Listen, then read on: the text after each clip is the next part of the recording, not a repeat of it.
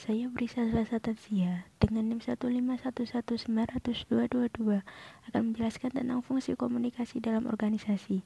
Di sini terdapat empat fungsi. Yang pertama yaitu fungsi informatif, di mana seluruh anggota dalam suatu organisasi berharap dapat memperoleh informasi yang lebih banyak, lebih baik dan tepat waktu. Informasi yang didapat memungkinkan setiap anggota organisasi dapat melaksanakan pekerjaannya secara lebih pasti.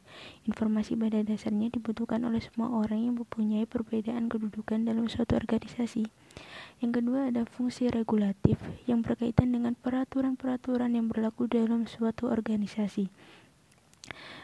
Yang ketiga ada fungsi persuasif yaitu dalam mengatur suatu organisasi, kekuasaan dan kewenangan tidak akan selalu membawa hasil sesuai dengan yang diharapkan. Adanya kenyataan ini, maka banyak pimpinan yang lebih suka untuk mempersuasi bawahannya daripada memberi perintah.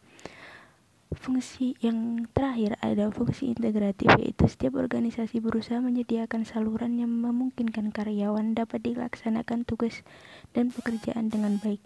Sekian penjelasan dari saya. Terima kasih.